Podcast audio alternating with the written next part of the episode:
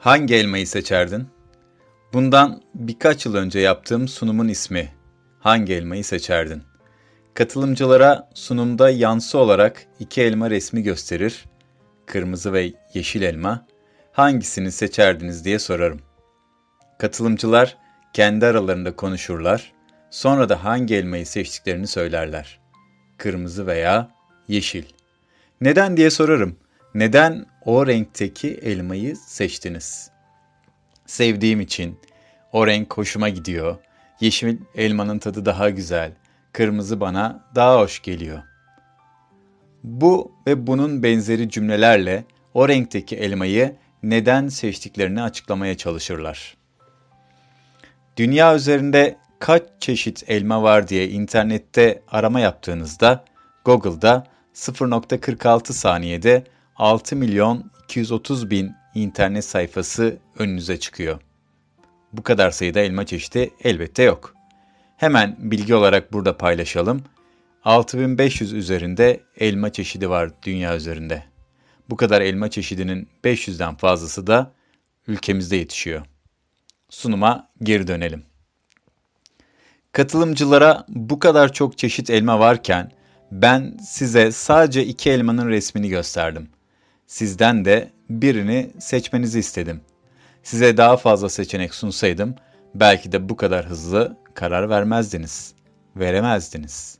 Hayat da böyle. Önümüze seçimler yapabilmez, yapabilmemiz için seçenekler sunuyor. Bilgimiz, o anki isteğimiz ve duygularımızla bir karar veriyoruz.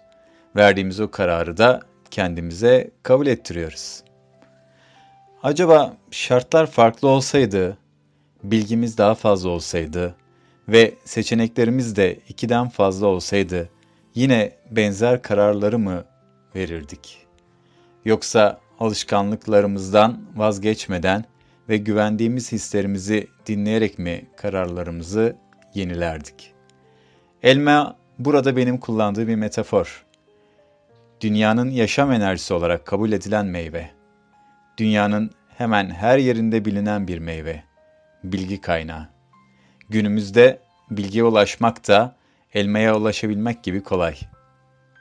Ancak nasıl lezzetli bir elma istiyorsak, o elma gibi de detaylı ve işe yarar faydalı bilgiye ihtiyaç duyuyoruz.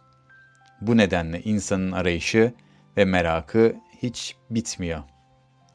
Kutsal metinlerde de insanın yasak meyvenin ağacından yediği ve bu nedenle dünyaya gönderildiği anlatılır.